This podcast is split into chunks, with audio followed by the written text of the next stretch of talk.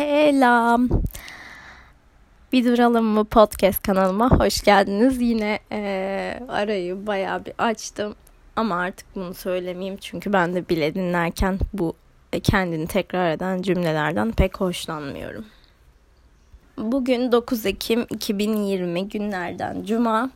E, karantinamın 7. gününde e, ve korona teşhisimin kaçıncı günündeyim? 4 galiba. 4 olmalı.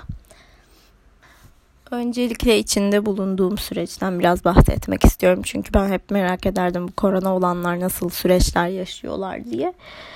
Ee, bizim şöyle oldu. Perşembe gecesi şans eseri bir şekilde e, annemi başka bir şey için hastaneye götürdüğümde korona testi yapıldı. Ve ertesi gün cuma günü pozitif olduğunu öğrendik. Pozitif çıktıktan sonra sizi arıyorlar. Ee, ama bizi aramadık. Yani bir süre bekledik. Önce aramadılar. Annem aradı 184'ü. Daha sonra aradılar bizi. Ondan sonra görüştüğü kişileri soruyorlar. Belirtileri olup olmadığını soruyorlar ve görüştükleri kişilerle test yapmak için adreslerini, TC kimlik numaralarını, telefon numaralarını falan filan al- alıyorlar. Bu şekilde e, babamla ben de test olduk aynı evde yaşadığımız için ve temaslı olduğumuz için. Ertesi gün de bizim sonuçlarımız çıktı. Babam pozitif, ben negatif çıkmıştım ilk başta. Öncelikle biz zaten ilk sonucu öğrendiğimizde, anneminkini öğrendiğimizde hepimiz odalarımızı e, ayırdık, kapılarımızı kapattık. E, ben babamın pozitif olma ihtimalinin daha yüksek olacağını düşündüğüm için aynı odada kaldıklarından dolayı e, onları odalara kapattım ve evin içinde gezen sadece ben vardım.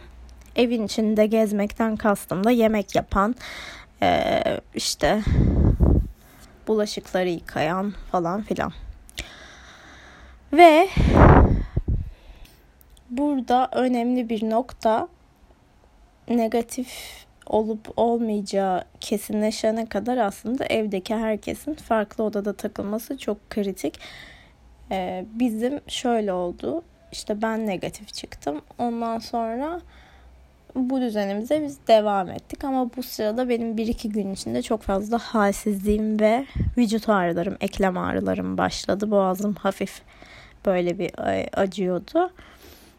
Ama şöyle ki evde pozitif olan insanlar olmasaydı ben bunu korona zannetmezdim muhtemelen. Ya o kadar ağır değildi çünkü.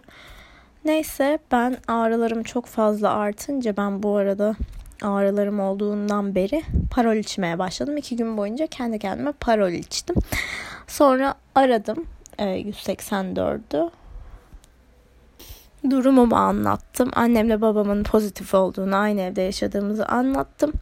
İlk önce negatif çıktığımı ama o zaman belirtilerimin olmadığını, şimdi yeni iki gündür başladığını anlattıktan sonra beni 112 ile gelip aldılar.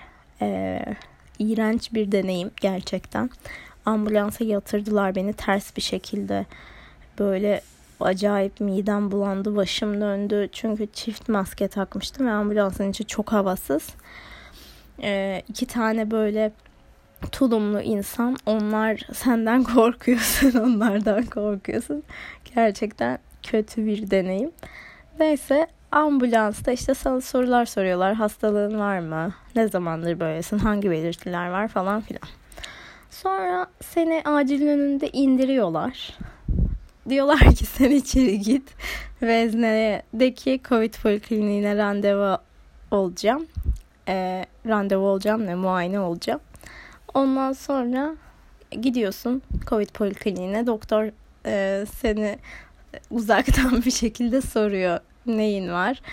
E, ne zamandır böylesin? Şöyle böyle. Sonra diyor ki muhtemelen değilsindir ama evde e, pozitifler olduğu için yapalım test. Sonra gittim. Test yaptırdım.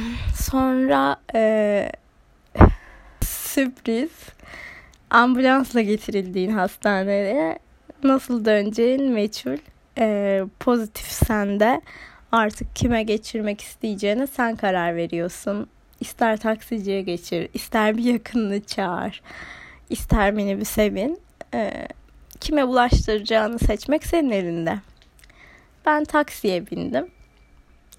Tabii olabildiğince dikkat ediyorsun sen bilinçli bir insansan. Çift maske takıyorsun, eldiven takıyorsun, her tarafını kolonyalıyorsun falan ama bilinçli bir insan değilsen artık ne olur bilmiyorum ki bilinçli bir insansan da bulaşmama ihtimali yüzde yüz diye bir şey yok. Neyse böyle bir süreç. Eve geliyorsun işte devam ediyorsunuz hepiniz ayrı odalarda takılmaya. Ertesi gün ben de pozitif çıktım. Ben pozitif çıktıktan sonra ilçe sağlıktan beni aradılar. Normalde e, 18 ile 49 yaş arasındaki kişilere eve ilacını getiriyorlar ama benim e, normalde de kullandığım bir ilaç olduğu için onlar getiremiyormuş ilacı. Senin hastaneye gitmen gerekiyor. Bu durumda yine ya 112 ile gidip e, herhangi bir şekilde döneceksin ya da kendi aracın varsa kendi aracınla gideceksin. Ben araba kullanabilecek gibi hissettiğim için kendimi kendi aracımla gittim. Ee, yine hani başkasına bulaştırma ihtimalim olmasın diye.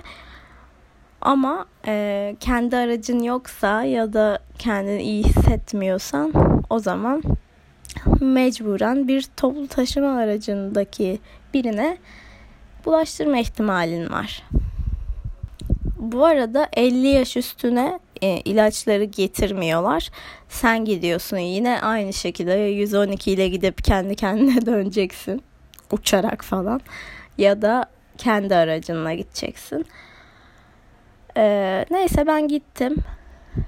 Bu arada e, yani baya elimi kolumu sallayarak çıktım evden. Yani ilçe sağlığın haberi vardı ama yani bilmiyorum hastaneye değil de başka bir yere gitsem ruhları duymazdı gibi geldi bana. Çünkü çok sıra bekledim. Ve bayağı bir iki saatim hastanede geçti. Ve orada yani ben ne bileyim maskeyi çıkarsam, insanlarla temas etsem kimsenin ruhu duymazdı. Bence vaka sayılarının bu kadar artmasında da e, bu sistemin çok büyük rolü var diye düşünüyorum. Neyse sonra bana ilaç verdiler. 5 günlük. Annemlerin ilaçları da 5 günlüktü ama onlarınki farklı, benimki farklıydı. Ee, hiçbir şekilde açıklama yapmıyorlar. Nasıl beslenmen gerektiğini söylemiyorlar. Ee, nasıl evde takılman gerektiğini söylemiyorlar. Ben şeyi sordum hani e, biz şu an dedim banyoya tuvaleti maskeli kullanıyoruz. Dişlerimizi nasıl fırçalayacağız? Yüzümüzü nasıl yıkayacağız? Bunları yani ne yapmamız lazım? Doktor dedi ki çok zor bir soru sordunuz. Bilmiyorum. Nasıl rahat edecekseniz öyle yapın. Yani şurada şöyle bir ikileme düşünü, düşüyorsun. Ee, kişisel bakımını yani bakım da değil diş fırçalamak yani daha temel ne olabilir yüz yıkamak.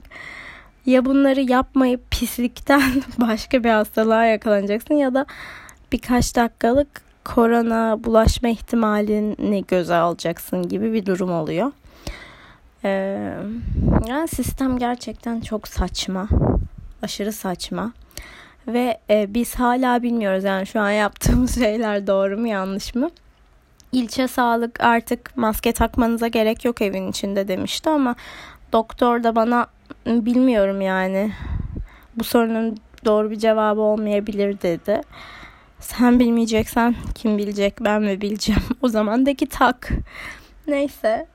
Ee, biz o yüzden şu an odalarımızda takmıyoruz. Ama kapılarımızı artık açıyoruz odadayken. Çünkü e, gerçekten her odanın kapısı kapalı takılmak çok zor. İki gün o şekilde geçirdik ve psikolojimiz gerçekten alt üst oldu maskeli bir şekilde bazen mutfakta birbirimize denk geliyoruz. Koridorda birbirimize denk geliyoruz. Ee, yani daha fazla da kısıtlayamayacağız kendimizi. Çünkü gerçekten çok zor. Bakalım şimdi bir haftadır evdeyiz. Ama sürecin sonunda ne olacağını bilmiyoruz. Yani 14 gün geçtiğinde test mi yapacaklar tekrar yoksa evde oturmaya devam mı edeceğiz? İlaçlar bitiyor ama semptomlar geçmemiş oluyor. O konuda henüz bir fikrimiz yok. Biz çok şükür ki hafif atlatanlardanız. Ya en azından şu ana kadar biz öyle düşünüyoruz. Vücudumuza başka bir zarar vermiyorsa şu an bu hastalık dışarıdan hafif atlatanlardan birileriyiz. Ama e, yani bu semptomlar ne zaman geçer gerçekten bilmiyoruz. Çünkü bir tanıdığımız daha önce geçirmiş ve bir ayda iyileşmişler. O yüzden bir ay bu şekilde olursak nasıl olur? Hayat nasıl devam eder hiç bilmiyorum. Çünkü sonuçta işe gitmek zorundasın, bir şeyler yapmak zorundasın. Evde bütün gün yatarak gerçekten çok zor. Yani ben iki gündür yatmıyorum gündüzleri ama hiçbir şey de yapamıyorum bununla beraber yani. Genellikle sosyal medyadayım. Ee, biraz motivasyona ihtiyacım var. Motivasyonum tamamen bitmiş durumda. Yani böyle umutsuz, geleceğe karşı umutsuzum şu an. Böyle durumlar. Ben merak ettiğim için sizi bilgilendirmek istedim. Belki merak eden vardır diye. Bakalım her şey bittiğinde tekrar bir bölüm kaydederim. O zaman bir sonraki bölümde umarım bir sonraki bölüm her şeyin bittiği ve anlattığım bir bölüm olur. O kadar yakındır inşallah bu zaman. Hoşçakalın.